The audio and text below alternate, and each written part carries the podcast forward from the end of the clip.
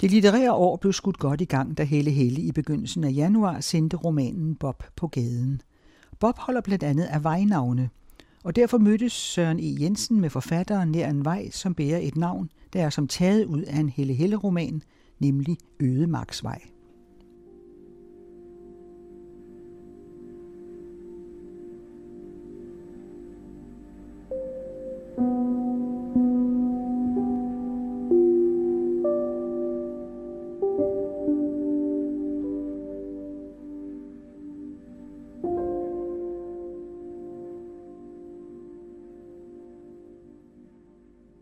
Step ind kom han kun på en enkelt gang mere. Det var første fredag i august. Han drak vodka og juice, men blev ved med at være klar i hovedet. Stod ret op og ned i baren, mens folk væltede rundt. Klokken halv tre gik han ud og fandt sin cykel og cyklede hjemad. Han tog en lille omvej forbi fuglekvarteret, steg af i en grøftekant. Himlen var allerede svagt lysere mod øst. Han tænkte, det var den sommer. Tre dage senere tabte han en knap bag Lollandscenteret. Den trillede hen i nærheden af et par kinasko, og det var mine. Helle Helle, vi er på side 40 i din seneste roman, Bob. Og som så vanligt, så synes jeg ikke, at din bog begynder. Altså, så skal vi helt hen til side 40. Det er også det eneste sted, der står, altså den sidste sætning, ikke? Øh, og det var mine. Der, der røber forfatteren sig. Ja, det er det eneste sted, hvor der står jeg et sted om fortælleren. Øh, og det er allerførst i bogens første sætning. Og så står der mine et sted. Og det er selvfølgelig undtaget replikkerne. Har altså mine, som i fortællerens mine mhm. kinasko. Mm-hmm. Som er den fiktive forfatter også, ikke? Ja, ja, det kan man sige. Ja, så må vi lige høre, altså konstruktionen. Vi er litterære lige fra første sekund. Den her roman, Bob, den er jo en slags fortællelse, eller i hvert fald hænger den fuldstændig sammen med min forrige roman, De, om en ung pige nede i Rødby, 16 år gammel. Her er hun 20 og øh, flyttet til Vandløse med sin kæreste Bob, som også er dernede fra Rødby-området. Og det, der er det, det litterære fra første sekund, det er den fortællekonstruktion, der er i bogen, at, at, øh, at hun ikke taler om sig selv andet end i første linje, hvor hun siger, flytter Bob og jeg så til Vandløse. Og så, så skrider det sådan, at alt, hvad der fortælles, er med Bobs synsvinkel. Altså det er hele tiden kun ham, der bærer synsvinklen. Bortset så fra lige her. Så hun er forfatter. Der står mine. Altså hun er fortælleren, ikke? Du kan jo ikke sige, at hun er forfatter. Det er jo mig, der er forfatteren. Det er jo det der hele spillet der i. Det er også derfor, jeg kalder den for Helle, Helle, Helle, fordi der er måske tre personer. Der er dig, der er forfatter, så er der hende, som det hedder sig, hun er forfatter, ikke? Nej, det hedder sig, hun studerer. Og hun skriver måske. Men jeg forstår godt, hvad du mener. Altså, det er jo sådan noget... Øh, det er vel det, der hedder udsigelsespositioner. Hvordan er de i forhold til hinanden, dem der taler her? Men, men det er hende, der taler om øh, kinaskoene. Kinaskoene var hendes. Kinaskoene, som også var med i den forrige roman.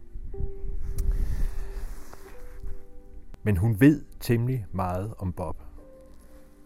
Ja, fordi det er hende, der fortæller jo, så hun fortæller alt om ham, og hun fortæller jo også om alt muligt, hun ikke kunne vide noget om. Så på den måde har du selvfølgelig ret, at hun er en fortæller, der virkelig er grænser over mod måske nærmest at være en forfatter. Eller, det minder jo selvfølgelig om det, det vil sige at skrive en roman også, kan man sige. Ikke? Fordi der bestiller man jo ikke andet end at tale om ting, man reelt ikke kan vide noget om i forhold til, hvordan det føles for andre, eller er for andre. Og det er selvfølgelig det, der også ligger i den, tænker jeg. Men det, der skuer nemlig deri, i, altså det er, at hun så er det, man, ja nu bliver det, altså, jeg er ked af det, nu bliver det altså endnu mere litterært, men det er jo den altvidende forfatter, hun kan leve sig ind i ham. Og det kan af en eller anden grund ikke lade sig gøre i moderne litteratur. Det skuer også her, og det er helt sikkert bevidst for din side. Du mener ikke, det kan lade sig gøre i moderne litteratur i, sådan i det hele taget? Hvorfor ikke? Jeg ved det ikke. Jeg har spurgt. Jeg har spurgt klogere mennesker end os to til sammen. Øh, hvorfor den altviden, du ved, ligesom Henrik von Toppedan, han var jo inde i alle sine personer, ikke? Mm. Hvorimod, det er der heller ikke i dine bøger. Der er du ikke. Nej. Men det, det er, der er fordi, ikke noget med, at hun tænkte... Ja, nu siger du, nu skal det lige være litterært, men det er jo det, det er. Det er jo kun litterært. Og alt muligt andet jo det også, men det er jo litteratur. Så derfor skal det selvfølgelig... Så kalder jeg det litteraturvidenskabeligt. Nej, det er det fandme ikke. Det har du ikke ret i. det, Det er det det, ikke, det ord, fordi- jeg bruger. Nå, det er for det, hvor jeg helt angst over, fordi sådan er jeg. Jeg føler mig jo ikke som en... Altså, det er jo ikke teoretisk på den måde. Det er jo ikke fordi, at jeg har... Jeg tænkte, da jeg gik i gang med at skrive, og det gør jeg egentlig hver gang, at jeg gerne vil... Og nu er det så, jeg er bange for at komme til at sige noget, som jeg har sagt før. Fordi det ved jeg, du ikke gider Sig det endelig, Nambak. Men det er jo fordi, det er sandheden. Og det er jo derfor, man kommer til at sige det mange gange. Mhm. At det er blevet mere og mere vigtigt for mig, hver gang jeg skriver en bog. Og også i denne her serie, kan man sige, med de og Bob, og hvad der måtte komme efter. At jeg gerne vil, øh, jeg skal kunne lave et formelt eksperiment. Fordi det er det, der bærer, det er det, der gør, at det for mig kan løfte sig til at blive mere end kun handling, faktisk. Nu du siger det. Fordi jeg gerne vil have, at man skal kunne mærke handlingen som værende det, der også er formen. Altså at fordi hun ikke taler om sig selv, det, at hun ikke taler om sig selv, det er faktisk bogens drama. Ja, det ved jeg godt. Det er du blevet sagt i mange. Altså, du, der har jo været nok interviews. Altså, den kører meget på det parforhold, men det står der jo ikke særlig meget om. Og jeg har lært, at man forstår en bog bedst, hvis man læser det, der står. Ja. Det ved jeg ikke, om jeg har lært, men det er nok egentlig sådan, jeg tænker også. Mm. Øh, det, der står, men dermed jo også det, der ikke står. Vil du ikke sige det? Fordi kan man skrive om noget, der står, uden at der er noget, der ikke står der? Det, er jo, Overhovedet det, det kan du jo ikke. Det er det. Altså, man vil jo gerne skrive det, som det er. Og værsgo, her har I det, og det behøver I. Nu får I det bare serveret. Det vil også, hvad du egentlig gerne vil. Og så alligevel så sniger der sig. Jeg tror, det har Andre noget at gøre med, altså det har også noget at gøre med at være, kan man sige det, hvor klog er man som fortæller? Hvor meget, eller hvor spændende er det, hvis fortælleren ved alt? Hvor spændende er det, hvis fortælleren kan alt? Hvor spændende er det, hvis fortælleren er der eller ikke er der? Altså, øhm, Russerne kan, for eksempel. Mm. mm, mm, Det er da meget spændende. Ja, det er det. Det er det, men det er jo mange år siden. Altså,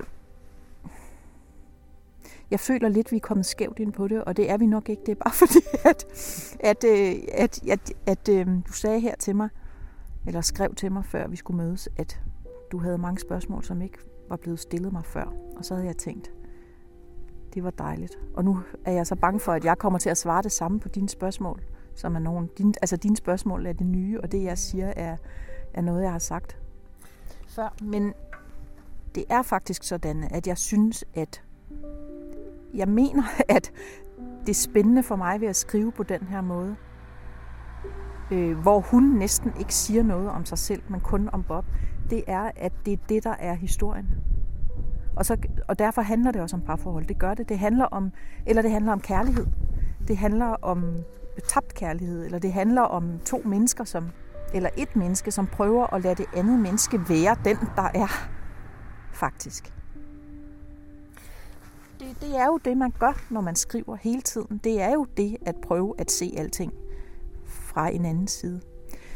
Øhm, Man kan også sige, altså i hvert fald, at det er ikke, det er ikke første gang, du har en mandlig hovedperson. Det havde du også i den, der foregår i skoven, ikke? Mm. Den, der hedder Hvis det er. Ja, Hvis men det er, det er ja. blevet meget anderledes.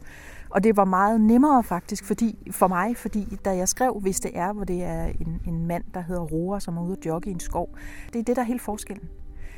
At han er jeg-fortæller. Og det kan godt være, at han bliver udraderet igennem bogen, fordi han møder en kvinde i skoven, og hendes historie overtager hele bogen, men han er en mandlig jeg-fortæller. Mm. Men det er Bob ikke. Bob er ikke jeg-fortæller. Og det gjorde noget rigtig godt for mig, da jeg skrev, at jeg havde en mandlig, kan man sige, forskudt synsvinkel, eller en skjult fortæller faktisk, som lader den mandlige hovedperson træde frem og være det hele, men han er ikke et jeg. Øhm, det har jeg tænkt på sidenhen, for jeg tror egentlig, der er flere følelser måske, der, at jeg skriver om flere følelser, end jeg plejer i den her Bob. Og det er måske, fordi det blev muligt, fordi der er den der forskydning, altså at det ikke er et jeg, men det er et han, Bob, som hun fortæller om. Som hun fortæller om, og det er der, vil jeg også sige, altså hun er vel en art fiktiv forfatter, eller er jeg helt misforstået det? Det er hun ikke. Altså, hun er... Hmm, ja, jeg nu forstår godt, du spørger. Fordi hvor fortæller hun fra? Den er også... Er det ikke som om det hele, det er noget, hun i gåseøjen har lavet? Jo, men jeg synes, det, kom, altså, det er jo ikke så spændende, om hun er forfatter, eller hvad? Mener du, mener du om hun er mig, eller hvad mener du? Nej, ikke det. Det mener jeg. mener sådan set, at du har opfundet en, som så skal skrive den historie. Ikke? Det er jo velkendt, ligesom uh, The Beatles, de kalder sig for Sgt. Pepper og sådan noget. Ikke? Altså, mm. det er jo en konstruktion, du ikke har eksperimenteret med før. Mm, jamen, det er rigtigt nok. Det kan man sige, og jeg forestiller mig egentlig også, at den, der er fortalt et sted fra, det er der jo, for den er jo skrevet i datid på nær den første, den første sætning og den sidste sætning, så er det datid. Det vil sige, der fortælles fra et sted, hvor det her det er overstået. Og det er hende, der fortæller. Så ja, hun er fortæller. Ja. Men hvorvidt hun er forfatter, ja. Det kan vi komme til, men lad os nu få, fordi den har virkelig drillet. Jeg har engang sagt, at du var Danmarksmester i åbningssætninger.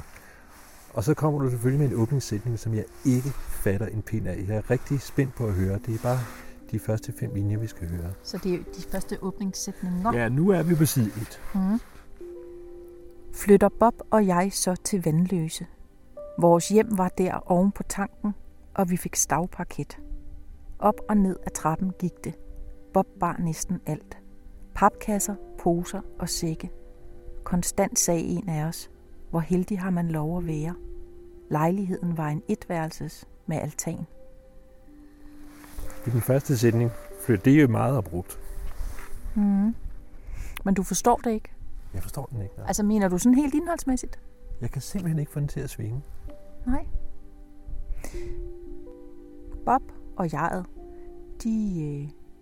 Altså hvis du siger, Bob og jeg flytter så til Vandløse, men der står flytter i begyndelsen. Ja, det gør det nemlig, for det skal der nemlig. Ja, det, hvorfor skal der det?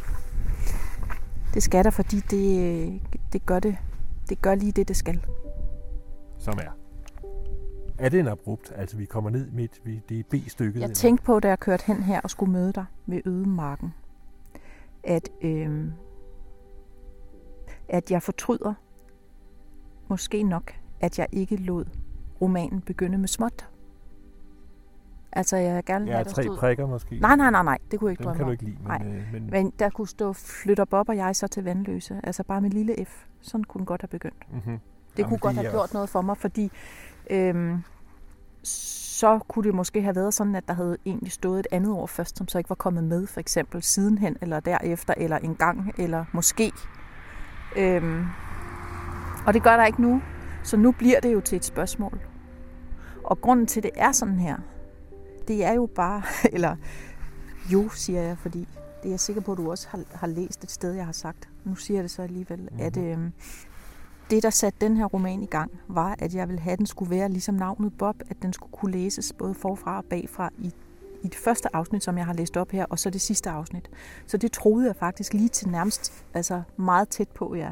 om ikke afleveret, så i hvert fald var tæt på at aflevere romanen, fordi jeg synes, det ville være smukt, hvis man kunne sidde tilbage med en bog, hvor man genkendte noget i ordene, hvor ordene skred ud og blev nærmest helt øh, ubegribelige, og samtidig mindede en om noget, og så vil man tænke, hvor var det, der stod stavpaket, eller hvor var det, der stod papkasse, og så vil man tænke på begyndelsen og den første sætning. Så, så det, det, jeg havde, det var, den var så anderledes, end den er nu. Ikke? Man flytter Bob og jeg så til vandløse.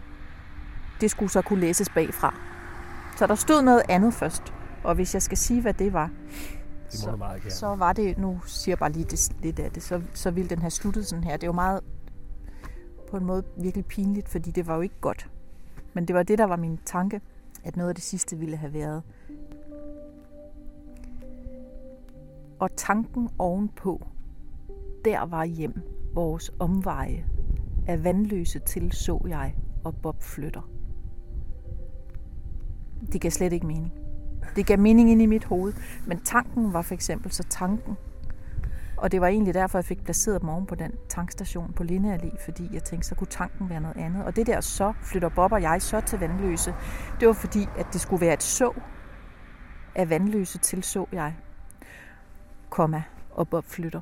Og sådan blev det ikke, men det jeg beholdt, det var flytter Bob og flytter Bob. Og det er så blevet det, som også er er bogens slutning bare omvendt. Mm-hmm. Og, og, og det endte så med, altså så kunne jeg jo have lavet det om, da jeg fandt ud af, at det ikke fungerede, men jeg var blevet utrolig glad for den åbning. Flytter Bob og jeg så til Vandløse, fordi der er noget henkastet i den, og der er noget øh, mystisk Meget. i den, og der er noget et spørgsmål i den jo også. Der er jo også den mulighed, at det hele er en fiktion. Det er sådan lidt den kedelige læsning, kan man sige. Men der, du har ret, der er noget abrupt i den, og det kunne jeg godt lide. Okay. Jeg er tryg ved, at øh, der var grund til, at jeg skulle læse den 4-5 gange, ikke? Jo. Ja, nu er det ikke, fordi jeg, jeg sagde til dig, før vi begyndte at optage, det er egentlig ikke indholdet, jeg som sådan er interesseret i, men alligevel så tror jeg nok, vi må, vi må sætte rammen, ikke? At det er jo et ung par, der flytter til, til Valdøse fra Lolland. Øh, og så er der jo igen, romanen foregår i 85. Det er da også en af dine andre bøger, der har gjort. Hvad er det for en? Ja, hvad? Nu kan jeg jo aldrig Rødby huske det. Nej, Jo, den nej. Jo, det den var gør. den der med en kvinde, der hele tiden er læser ude på universitetet, uden rigtig at komme der. Nå, Glumsø, nej, den foregår senere. Den foregår under murens fald. For Det, det det foregår i 89. Undskyld, ja. det er rigtigt. Vi er 85. 85. Vi er Det er ligesom, 85. næsten ligesom Rødby Puttgarden. Lige, ja. lige et år. Og det kan man jo godt mærke, hvis vi tager, fordi nu har jeg sagt, nu kan vi stadigvæk lige tage en lille bid til af første side. Det her. Yes. Af planter besad vi en yucca, en husfred, en kaktus, en stuebirk. Husfreden groede i en halv kokosnød, en afskedsgave fra Bobs lillebror. Inventaret var klapbord med stole, halvandenmandsseng, kommode og standerlampe med mere. Ingenting til væggene. Bob ville hænge et håndklæde op, et særligt lilla et med snoninger af gobelin-karakter. Skrue ben på bord og meder på seng. Jeg ved, at du er meget, meget opmærksom på, at det må ikke blive for tidstypisk. Det er omvendt svært at undgå, ikke? Jo. Altså yogapalmen, ja, jeg ved faktisk, fordi min ene søn er lige flyttet hjemmefra, og så vil vi give ham yogapalme, fordi det var det, man fik dengang, ikke? Man kan sgu ikke få dem. Og nu har de alle sammen de der monstera, hedder de det. øhm, ja, men ved du hvad, den her gang, der har jeg, er jeg gået lidt amok med øh, det, som man kunne kalde øh, sådan noget øh, tidsmarkører. Men det skal selvfølgelig ikke være tidsmarkører. Jeg har været meget forsigtig andre gange. Nu Ja, har jeg jo mange bøger, der har foregået i andre årtier, ikke? og så har jeg tænkt, nu skal der ikke være for mange hyrdetæpper, nu skal der ikke være for mange jolly cola og sådan noget, fordi det bliver så irriterende, mm. og det forstyrrer. Men her, der gjorde det bare på et, en eller anden måde ikke noget. Jeg tænkte, nu er det skulle lige meget. Nu er det vandløse, nu er det yucca, nu er det stuebirk. For det var stuebirk, og det var meder på seng, så nu skal det bare med.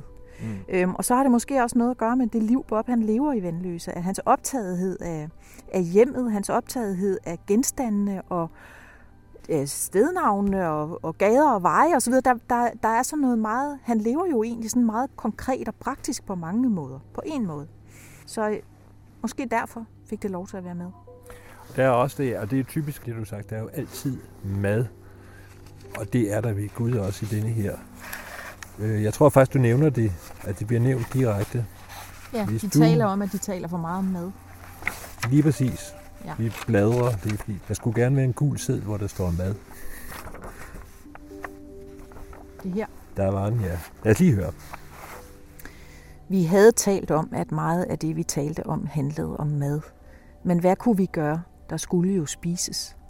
Og vi lavede aftaler om ikke at nævne praktiske gøremål, fordi alt blev trukket nedad. Blev til afrimning, bustider, syltede asier. Gentagelser skulle undgås. Tom begejstring. Scheisse og smadder. Bob ville tage sig til hovedet. Sådan kunne man ikke leve, men undlod. Han ville gøre hvad som helst. Ikke omtale karkloden. Gå stum ned med skraldet. Rejse alle shampooflasker i tavshed. Skure skimmel af fugen. Grunden til, at jeg også bliver til at læse det sidste, det er mere fordi, jeg tror faktisk, der er mange, der genkender det i øjeblikket, at man irriterer hinanden. De bor jo på, hvad er det, en etværelseslejlighed, de bor i? ikke? Jo, de bor i en etværelseslejlighed. Øhm, og nu vil jeg lige sige her, nu, nu ser man så, at der er rigtig meget vi også i bogen. Og det vi, det inkluderer jo også fortælleren. Så det er så det, der er forskel på. Altså det er ikke kun sådan, at hun siger jeg først, og så siger hun mine, men hun er der som et vi, når hun er der. Men hun er der også som steder, hvor altså, hun ved også noget om Bob, hvor hun ikke Helt er. sikkert. Ja, Mm. det gør hun. Hun det er gør den hun. Og det gør hun jo faktisk her også. Ja, hun er, hun er den skjulte, alvidende fortæller, kan man sige. Det er Mm. hun.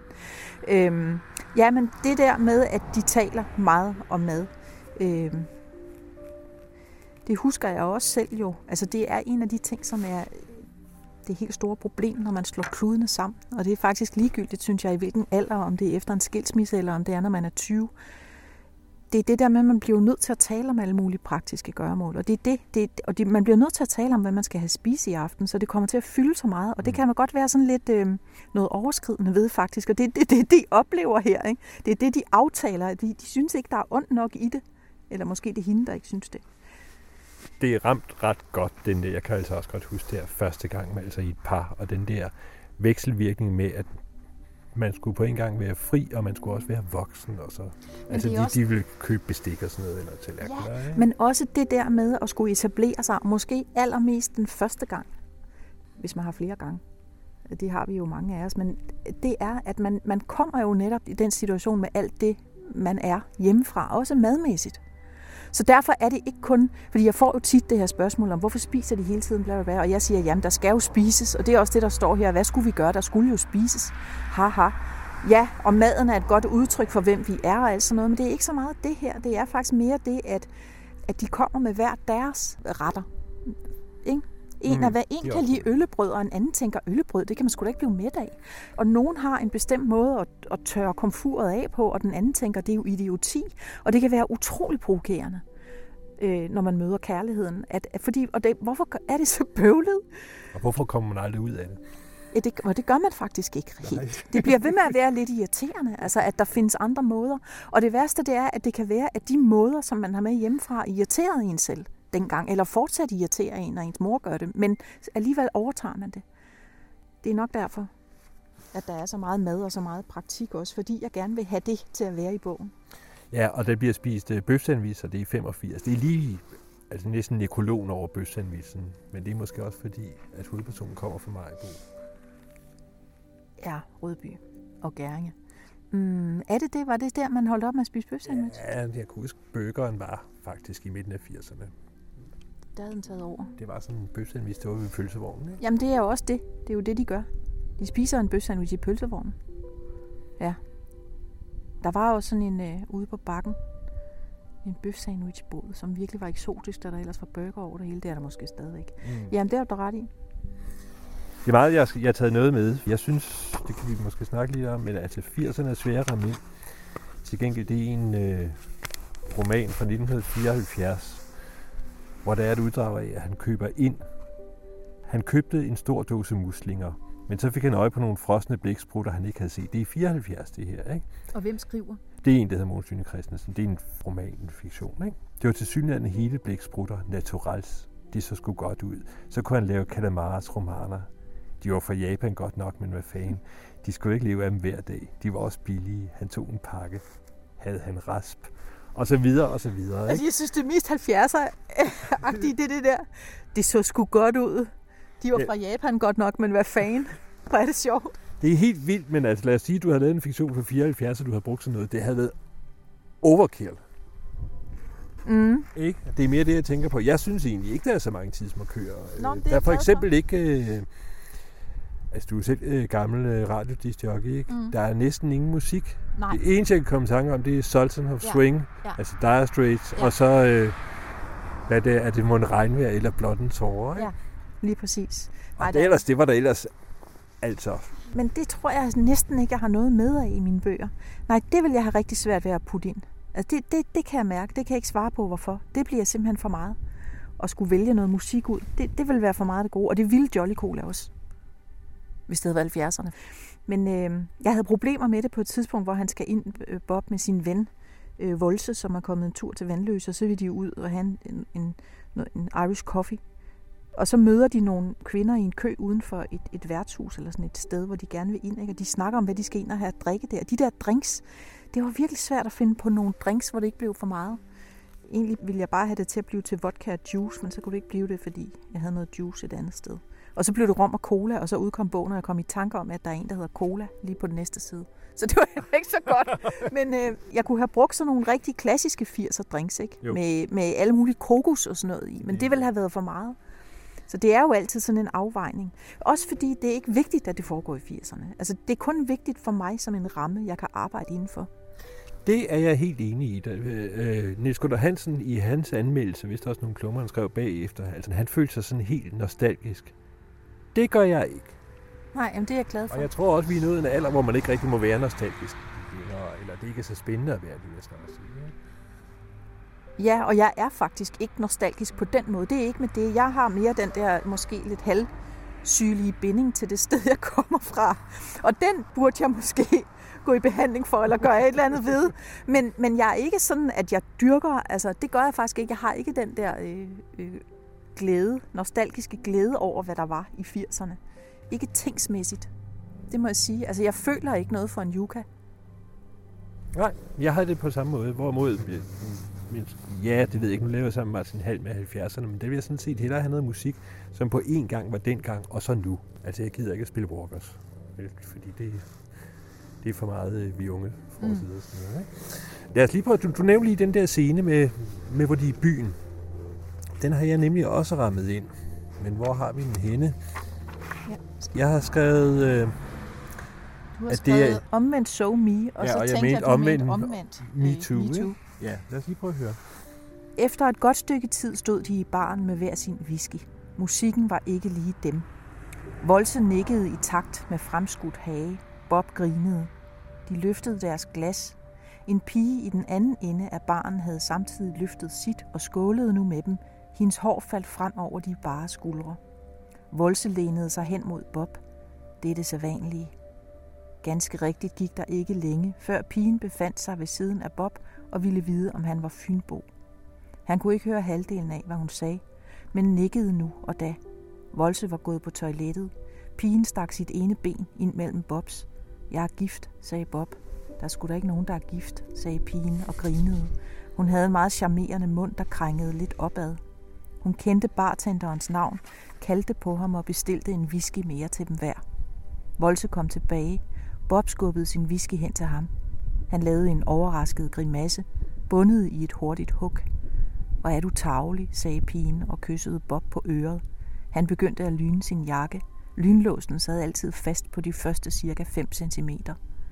Er vi skrevet, sagde Volse, og Bob kom fri af pigen. Han gav hende hånden til farvel. Faktisk så øh, havde jeg jo selv sådan en her. Der er sgu da ikke nogen, der er gift. Det lød lidt som den der, det kunne sgu da smage meget godt. ja, der er også det, man kan hånden til farvel. Der er øh, farvel, det er faktisk også et ord, man ikke rigtig ja. bruger i dag. Ja. Øhm. Men der, da jeg læste det, og først, der er vi altså pænt inde i bogen, ikke? I hvert fald, i hvert fald halvvejs, godt ja. halvvejs. Der var det, jeg begyndte at spekulere på, sige mig, at der byttet rundt på kønnene. Nej, ikke på den måde, men du har ret i, at øh, Bob han bliver udsat for alt muligt, fordi kvinderne er ret gale Han er i hvert fald kvindetække. Han er kvindetække. Han lægger damerne ned. ældre kvinder, ikke? Ja, det er det faktisk. Det er faktisk rigtigt. Det er det.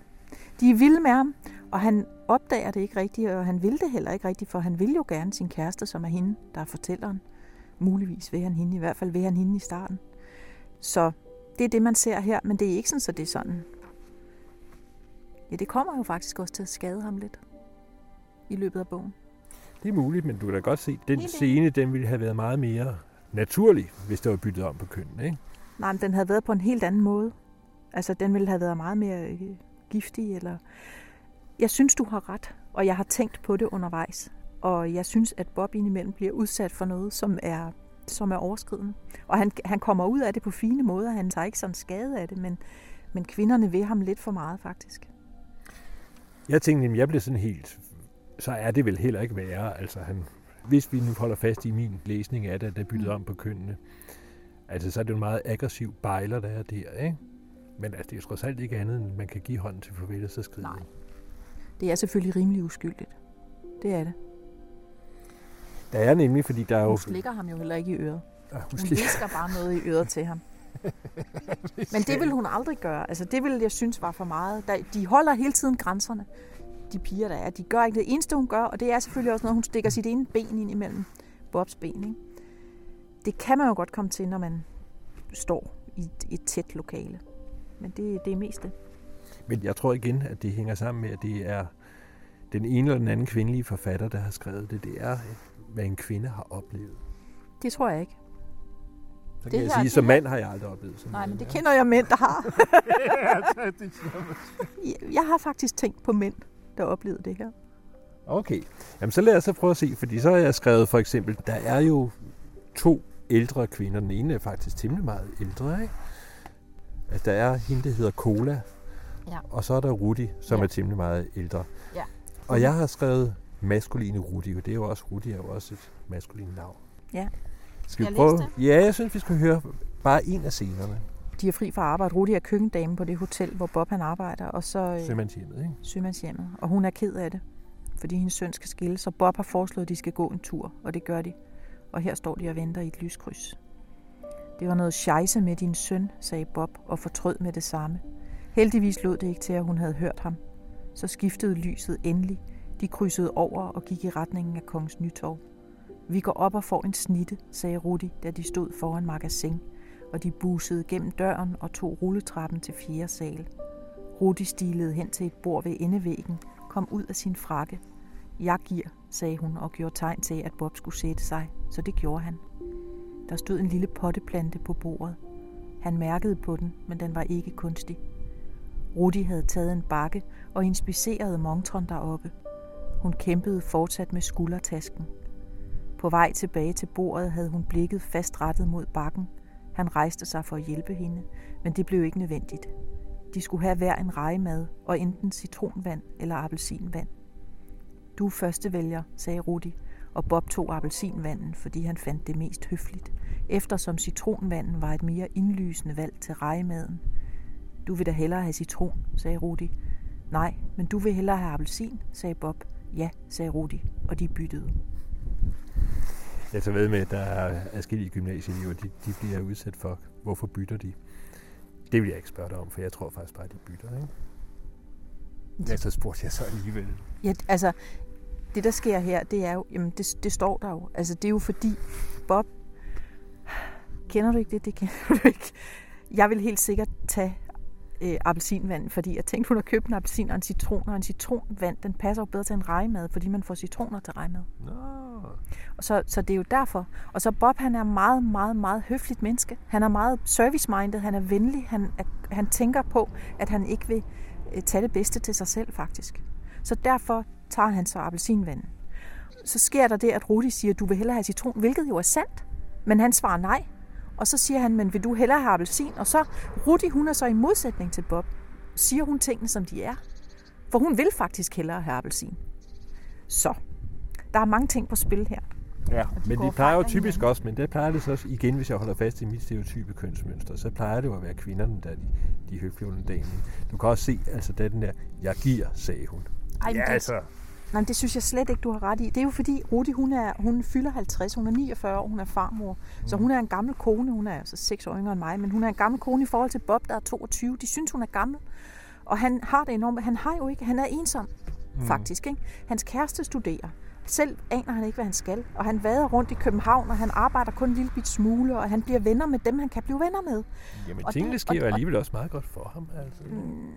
Ja, det gør de måske nok. Men så, så har han det rigtig godt med Rudi der. Ikke? Og der er ikke noget MeToo ind over det her. Det handler om en meget moragtig kvinde, som også er sådan en... øh, Hun, er, hun kommer fra...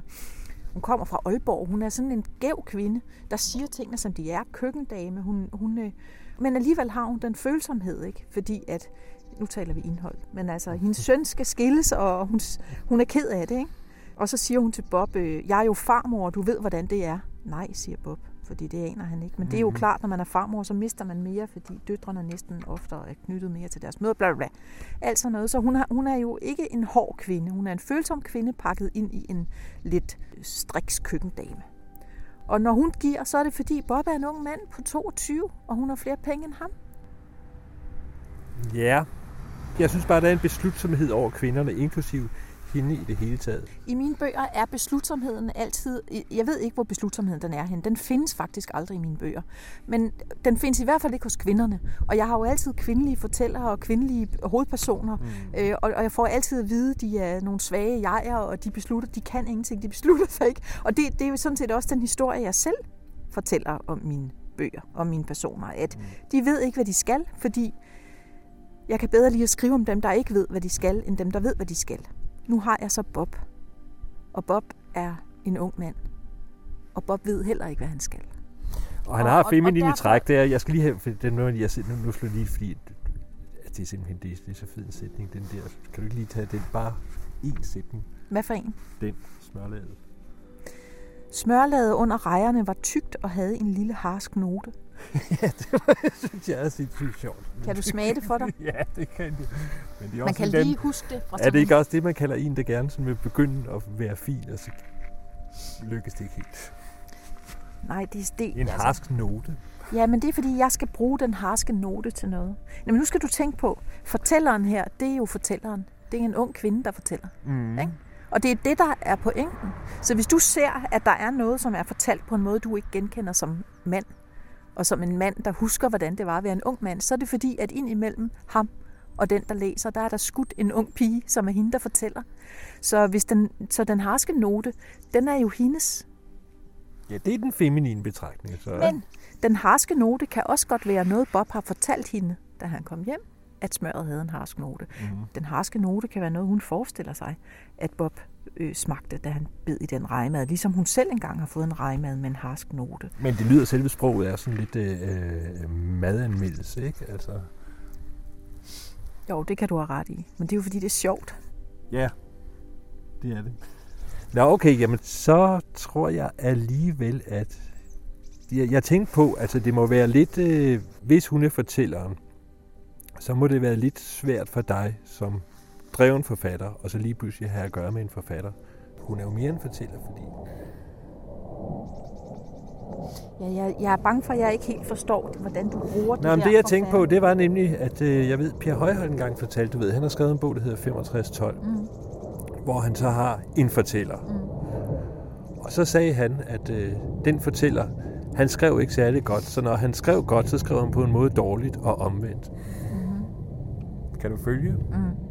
Fordi det er jo ikke, hvor er vi henne her? Du må se, du må også se, er det ham, eller er det hende, der fortæller mm. med den harske note der, ikke? Mm. Det er det, som er de lag, der er i den fortællestruktur her i bogen. Det har du ret i. Og det, det hele handler om, det er jo, hvor meget kan man vide? Hvor meget kan hun vide? Og kan hun prøve at vide mere, end hun egentlig ved om ham? Og hvordan den der nu er vi tilbage til en alvidende fortæller. Ja, og det er fordi, det er kedeligt, hvis der er en alvidende fortæller, der siger, at smøret havde en harsk note. Det er jo ikke øh, spændende. Undskyld, det er simpelthen ikke spændende. Mm-hmm. Det er ikke spændende på samme måde, som hvis der kommer en energi, et eller andet. Øh, ja, der er jo en energi i, at fortællerne er skudt ind imellem hinanden på den her måde, synes jeg, når jeg skriver. Altså, jeg tænker, at, at hvis det er en, der bare ved, at alt smør har en harsk note, eller alt smør kan smage på en bestemt måde, altså, det er for mig ikke spændende. Det spændende opstår, fordi at hun, hun fortæller, hun er helt inde i munden på Bob her, ikke? Ja, det er det jo, og det er det, jeg mener, det er ikke... Altså, det er jo ikke nogen kritik, men altså, det skuer det der, fordi man ikke er vant til det. Altså netop, at jamen, det kan hun sgu da for helvede ikke vide. Altså, sådan har man det jo hele tiden, ikke? Mm. Og det er kan vel vi ikke en... gå hen til noget af det, du har rammet ind, jeg skulle læse op? For det er det, det handler om. Dit yndlingsafsnit, det du viste mig, inden vi gik i gang. Det, det bestemmer jeg nu, vi jo, skal læse. Jo, lad os have det ind. Det her, det er, hvad det handler om. Natklokken på Sømandshotellet dukkede også op, når han lå søvnløs. Han var både den, der ringede på, og den, der for forsovet op fra gulvet bag disken med skævt hår, krøllet skjorte. Han fløj frem og tilbage mellem begge positioner, selvom han aldrig havde prøvet at stå på hoteltrappen midt om natten og høre klokken jamre derinde. Han tænkte, Ingen kan aldrig vide, hvordan det er at stå på en trappe som en anden. Eller ingen kan nogensinde. Eller alle kan ikke. Alle kan ingen sinde. Ingen sinde kan nogen ikke aldrig. Nu gik det helt af gurk. Han vred sig i sengen. Altså, for det første, kan jeg ikke, så kan jeg ikke forstå, hvordan du skal, skal slipper levende fra at skrive, nu gik han helt af gurk, fordi det falder, altså det falder ret selvfølgeligt, ikke? Hvilket jo egentlig er et 70 udtryk, hvis vi skal være meget det er fordi, man brugte det lidt øh, forsinket på Lolland. Ja, ja. Så har jeg taget det med. Det er mm. faktisk sådan en tidsmarkør. Jo, men uden at det ikke... Det, det, ja, men det virker ikke som en tidsmarkør. Nej. Det synes jeg faktisk. Det, øh, men det er ret godt skrevet. Det er bedre skrevet, end jeg kan forklare, hvad det handler om. Og det er det, der er problemet hele vejen igennem. Og ved du hvad, det er udmærket.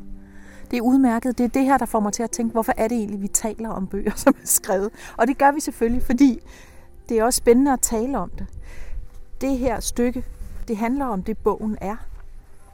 Nemlig, at en står på en trappe, og en anden fortæller om, hvordan det er for den person at stå på den trappe.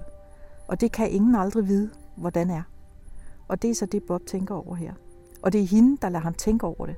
Så her, der vikler æskerne sig ind i hinanden, mm-hmm. så jeg næsten ikke selv kan finde rundt i det. Jeg ved bare, at det er det, bogen er. Og hvis det så endelig kommer, så er du også, altså rent, øh, du har jo selv boet i Vandløse simpelthen, du er fortrolig med geografien, ikke? Mm. Det skal ikke handle om de private biografi eller Det sådan noget. Der, men, altså, men der er jo mange karaktertræk af dig her. Der er et sted, hvor, det, hvor han nævner, hvor mange busstoppesteder linje 41 har ud til Vandløse. Jeg tager ved med, det er noget, du selv har oplevet. Ja, det er 14'eren. Undskyld. Nå, det er 14. Eller er det 29'eren? Nej, det er 14'eren, for den kører af Smallegade. Ja, og det er fordi... Øh, ja, nej, jeg har nu ikke oplevet at gå hele 14'erens rute, bare for at tælle, hvor mange stopsteder der er. Men da jeg havde fået den idé, at Bot ville gøre det, fordi han går jo meget, og han går meget for ligesom at indtage. For, for at gøre byen til sin egen. Han kommer jo der fra Gæringe, lidt uden for Rødby, og den består kun af tre huse nærmest. Og nu kommer han ind til Vandløs og København og skal ligesom rodfæstes på ny idé. Ikke? Og det gør han så ved at vandre.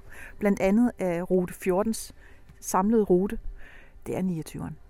Det er 29'eren Ja, fra Kongens 29'eren. Nytorv. Det er 29'eren, han går. Undskyld, den kører den anden vej. Og, og det jeg så kunne gøre, det var, at jeg kunne... Jeg prøvede at memorere alle de stoppesteder, der var, da jeg boede der, og tog 29'eren hele tiden. Og det fik jeg til 23. Og så, da jeg gik i gang med redigeringsfasen, så er det typisk sådan noget, jeg tjekker. Så, øh, og det, Hvordan tjekker man det? Jamen det gjorde jeg ved, at jeg fandt, der er jo selvfølgelig mennesker, der interesserer sig for gamle busser og gamle køreplaner, så jeg fandt sådan nogle sider, hvor der var, det viste sig så, som jeg husker det, at den person, der ligesom stod for det her selskab af folk, der interesserer sig for gamle busruter, boede fandme i Vandløse.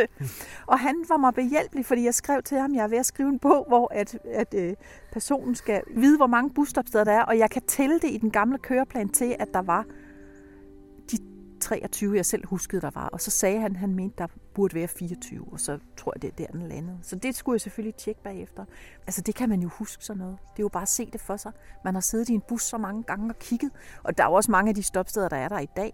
Men nogen, nogen er forandret. Ja, og så er der jo kommet alle de der omlægninger, fordi der er kommet metro og Flintholm stationer og alt sådan noget, så meget anderledes ud omkring Vandløse.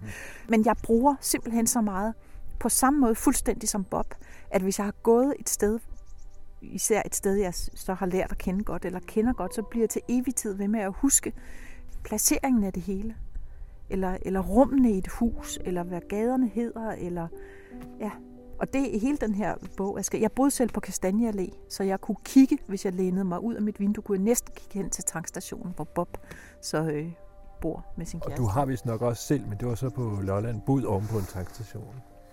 Nej, det har jeg aldrig. Har du ikke? Det er bare med i din, af dine noveller, kan jeg huske. Jamen, det er det ikke mig. Det er, Nå, ikke, for, okay. det er ikke forfatteren. Det er en fortæller. Det er en novelle, der hedder Hedebølge, hvor en ung pige bor oven på tankstationen hos en, der hedder Søren. Og hans far har så tankstationen. Og, og det frygtelige i den novelle, det minder jo egentlig lidt. Der, der er noget bob over den, og i øvrigt alt muligt andet over den. Det er, at han er ældre end hende, og hun er blevet student, og han skal arbejde. Han arbejder der på tankstationen. Og de ved alle sammen, at hun kan jo ikke blive, for hun er jo blevet student og hun har nogle evner, hun skal videre. Og det eneste, hun ønsker sig, det er at få lov til at blive oven på den tankstation. Der er også noget godt med sådan noget beboelse oven på tankstationen. Ja, Jeg er kørte der igennem, måske. jeg kørte igennem H.C. Ørsteds. Der var to før i tiden, de er væk begge to. Ja. ja jeg, ved ikke, jeg ved ikke, om det måske er at romantisere det lidt, men for mig er det ikke så meget selve det, at det er tankstationen. Det er mere det der med, at der er nogen, der har mødt hinanden i det lille samfund, hvor de begge er vokset op. Og de ved sådan set godt, at de ikke kan blive sammen. Og hold kæft for gør det ondt, når det nu er det, der er hele ens Mm. familie, eller hele ens, alt det grundstof, man har gjort af, eller alt det, man troede. Og man, man går bare hele tiden med den der, men alt, hvad jeg har nu, det kommer jeg jo til at miste, fordi jeg kan ikke blive her. Og det, det er et tema i den novelle, og det er så udfoldet egentlig endnu, endnu længere ud her i Bob, fordi de er gået så vidt som til at flytte til København sammen. Altså, de er begge to Det er jo kommet din første afsted. Københavner-roman. Ja, de er begge to kommet afsted, men er de nu også det? Mm. Altså, ved de det? Ved de hinanden, ikke? Min anden roman var også en københavner-roman. Men den hed Forestilling om et ukompliceret Det er liv med en rigtigt, ja. Men, øh, men den var det på en helt anden måde. Ja. Lad os prøve, øh, det, det er jo så dejligt prekært, den private hele, fordi der er øh, vejnavne, Ja. de går igen. Det kan Bob godt lide. Ja. Og det er også sådan en litterær, egentlig ret eksperimenterende lille passage. Lad os lige høre den. Bob kunne ikke lade være med at tænke på vejnavne, langdraget, Arnestedet. Han måtte sige dem højt for sig selv i flere udgaver, fik en flue i munden på Apollovej. Det var en vane opstået ved morgenbordet derhjemme. Bøjet over havregrynene, Ota, Otata og senere Kellogg's Næskvik. Ingen tog til sidst notits. Ikke den mælkede lillebror, hans far med smøg og kaffekop, let til bens ude af døren igen. Skyer som hunde. De fuldtes op til landevejen. Lillebrorens gule regnfrakke og dinglende refleks. Og i bussen måske et par gange mere. Helt stille ned i rullekraven. Viet, viet, et. Nu spørger jeg uden hæmning, hvor meget er der af dig selv i det der? Mm, jeg har ikke haft så meget af sådan noget med at gå og sige, det der tik, det kan være at sige, øh, at sige ord, ota, utata og skulle sige, men, men så nogle andre ting. Altså, så der er, der er lidt af mig i det der. Der og er meget er der, af det med vejnavne. Og der er meget af det med vej. Det er faktisk derfor, vi skulle møde. For jeg kan huske en gang, jeg skulle køre til dig, og så kørte jeg, så kørte jeg nemlig forbi Ødemarken, hvor vi sidder nu, ja. og nævnte det. Og det vidste du lige på stedet.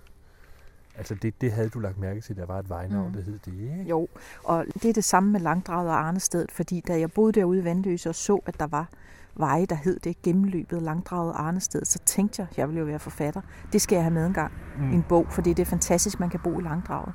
Nu sidder vi her på landet ved Ødemarken, ikke? som er tæt på, hvor vi begge to bor, og tæt på Sorø, hvor jeg bor, hvor der er noget, der hedder Parnasset og Parnasvej, og der er overdrevet, og der er alt muligt andet. Der er en særlig fryd ved den slags navne, som, som betyder noget, noget helt andet inde i ens hoved end et sted. Ikke? Men det er også bare selve det, at Viet, det er jo først efter bogen var udkommet, den by Viet, som ligger nede der ved Gæring også. Altså, det er jo helt skørt, fordi så tænker han vi et, et, som det står i bogen. Og det er jo også alt det, bogen handler om. Vi og et og et. Mm. Vi et menneske, et menneske og deres vi. Men altså selv da det var blevet trygt, så det var først, da jeg havde kigget i bogen 16 gange, at jeg opdagede, at vi et jo kan læses virkelig symbolsk. Det er jo dejligt. Det er jo altid dejligt. Mm. Men øhm, jeg tænker, det der, hvad er det med de der stednavne? Det er noget, som jeg altså, kan genkende, ja. du ved, øh, altså jeg er jo præst til dels ja. også, og når jeg holder begravelsestal, det er altid for at vide, hvor, hvor flyttede de hen, altså, og det var... Og, det, og så ved alle, det var, det var Vinkelvej 9, ja. Og det, det var dengang med Vilkensvej, og det var der, det bliver, det bliver, der er sådan en mytologi omkring stederne. Jeg fandt sådan en gammel kassettebånd for nylig med mig selv som femårig, hvor jeg sidder og taler, og så har jeg sådan en lang ramse, hvor jeg nævner adresser. Altså hvor jeg bare siger, øh, ja, alt muligt. Mølmarksvej 8, og Sylvandsparken 8, mm. og Kongeledet 16, og Kravsøvej 8, og alle de adresser, jeg kunne, hvor vi selv havde boet, og hvor min moster boede, og så videre. Frosvej 14, alt sådan noget. Og det, det er ligesom knyttet til dem, der boede der, som jeg kendte, og jeg ved ikke, hvad det er for en magi, der er i det der med stederne, men det er jo også noget med, at stedet er nærmest det allerførste, der opstår, når jeg skal...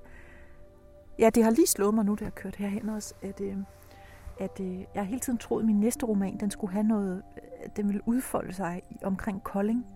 Og lige pludselig på vej hertil, så tænker jeg, nej, det er sgu her i nærheden af bjernet. I stedet for, jeg skal finde en resteplads.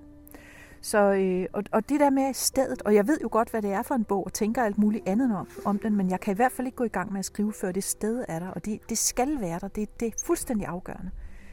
Fordi det er det, hele romanen bliver bundet op på. Og med stederne er det jo også stednavnene. Og...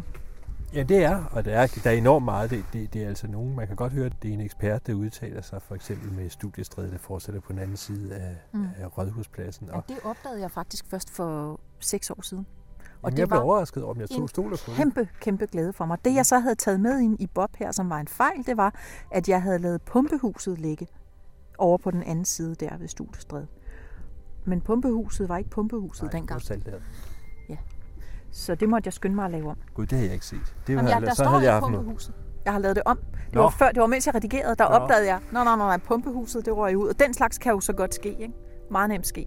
Fordi så god er jeg heller ikke til at huske, også fordi jeg kom ikke selv i saltlageret. Så jeg vidste ikke, jeg, jeg kom bare i pumpehuset og tænkte, det var der jo altid.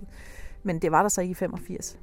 Ja, det er altid så sindssygt farligt, at du, farligt. hvis du havde gjort det, den røde pind, den havde været fremme lige på stedet. Ja, lige præcis. Der er jo også, den, den, nej, den har jeg ikke rammet ind, men der er faktisk et, hvor Bob taler med sin far, Mm. sådan helt indforstået med videovervejer, der fortsætter. Og, altså.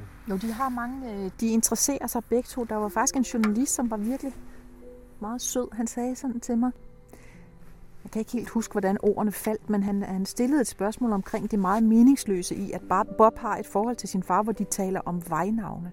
De har en fælles glæde over, at der findes en Nakskovvej inde i København, Mm. og at Hvidovrevej har en bestemt længde, og at der er landløst vej, ligesom landløst og sådan noget. Og han synes, det var så så indholdsløst. Og så Det sagde jeg, og så, men det var helt fint, han spurgte, måske var det også et andet ord, han brugte. Det var helt fint, han spurgte, fordi på en måde er det jo rigtigt. Og så sagde jeg til ham, der i tager du fuldstændig fejl. Og så efterfølgende skrev han faktisk til mig, han var så, det var han glad for, at jeg havde sagt, fordi han synes måske, måske handlede det om, at han selv var bange for, at han førte for mange af den slags samtaler. Måske med sin far eller med sin familie, og at der ikke var nok indhold i det. Men det synes jeg, der er. Jeg synes, det er en meget fin måde at sidde og tale sammen på, mm. og Mm. nærme sig hinanden på, Mm. at man kan tale om, der kan være meget indhold i det også. Jamen, det er rigtig vildt konkret, ikke? Altså. For, ja, fordi det er så konkret, og fordi at det siger noget om, hvad man interesserer sig for og kender til, og hvad man har til fælles eller ikke har til fælles, uden at man skal sidde og tale om, hvad man føler, føler, føler hele tiden. Men simpelthen bare tale om noget, man har en fælles glæde ved, eller interesse i. Og det, det deler han med sin far. Der er koldt i ødemarken. Jeg har Ja. kun to ting tilbage.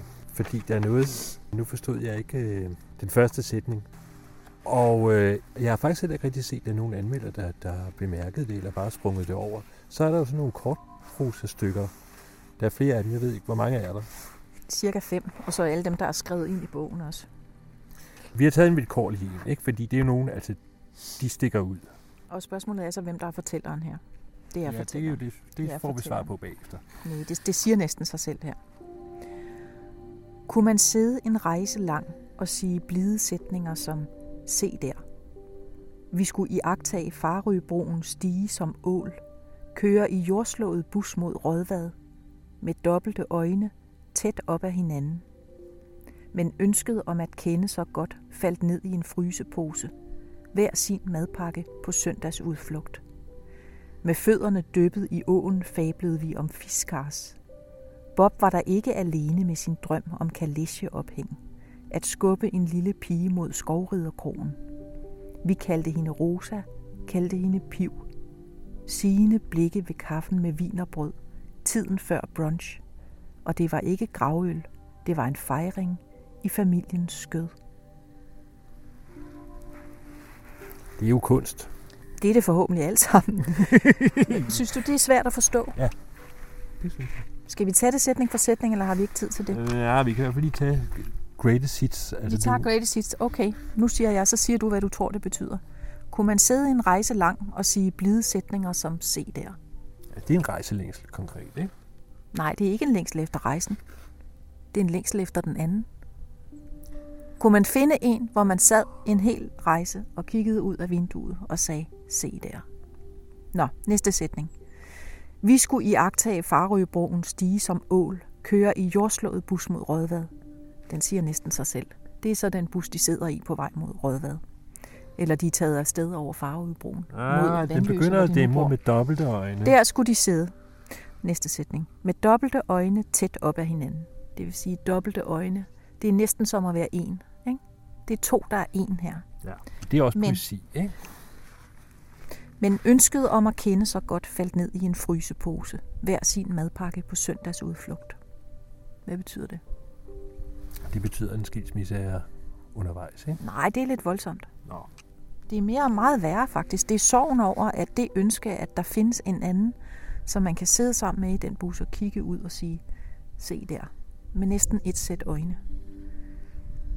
Det findes ikke. Det falder ned i en frysepose, hvor I ligger hver sin klap sammen på en tur til Rødvad.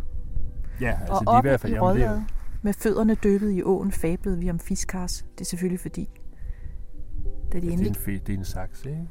Ja, og så er der Rødvad. Det er to mærker på, på Saxe. Og det vil sige, endelig er man kommet en tur op til Rødvad, og så sidder man og døber fødderne i åen deroppe og taler om fiskars. Det vil sige, taler om noget andet end det, man egentlig havde længtes efter. For Bob var der ikke alene med sin drøm om kalesjeophæng. Det siger også sig selv jo. Nej. Hvad er et kalesjeophæng? Ja, det er ikke sådan noget, som forretninger har. Nej, det er sådan noget, der hænger på en barnevogn. Ah, Det er dem, der hænger ned fra en barnevogn. Nå ja. Og når Bob ikke var alene, hvem var så den anden? Det var fint. Det er hende, som fortæller. Så Mhm. de var fælles om det ønske. En barnevogn, en kalesje, et kalesjeophæng, en lille pige. Vi kaldte hende Rosa, kaldte hende Piv. Sådan er det. Sigende blikke ved kaffen med vin og brød, tiden før brunch. Og det var ikke gravøl, det var en fejring i familiens skød.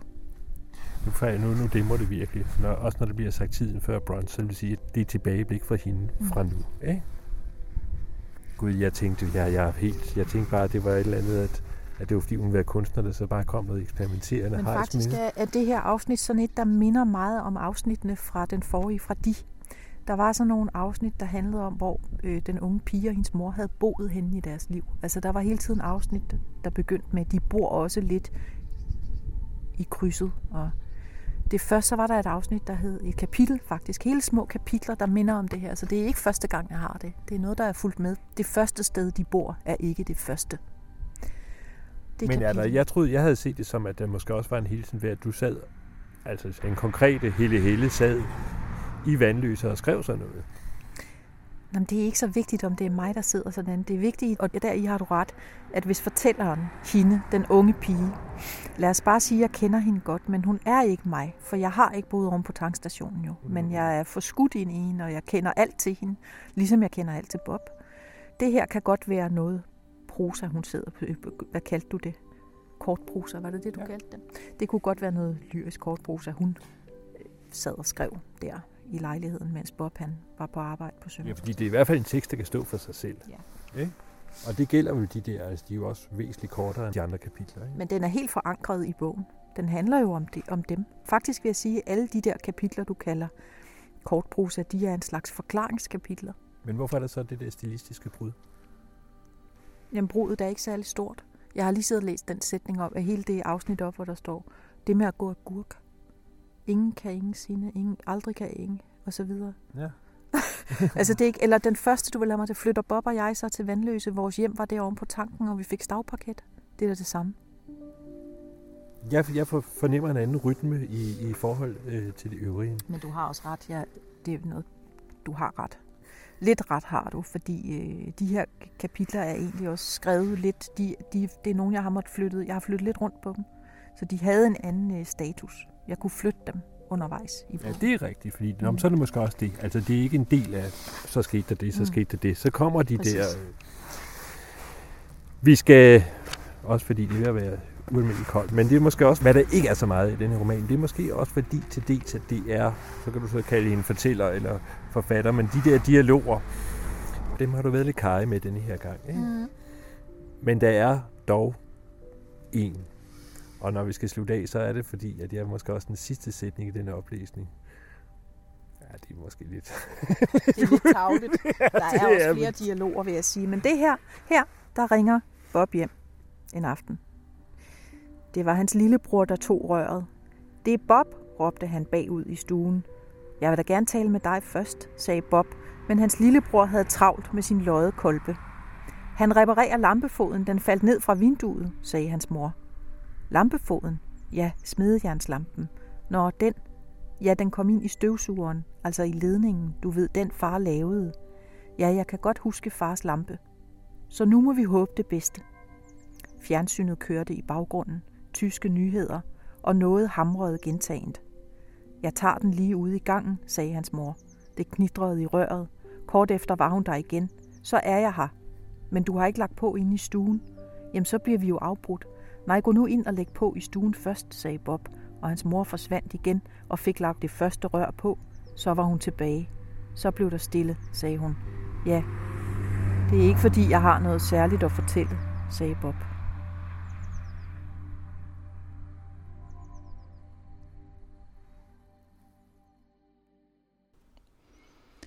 Vi har været i selskab med Helle Helle.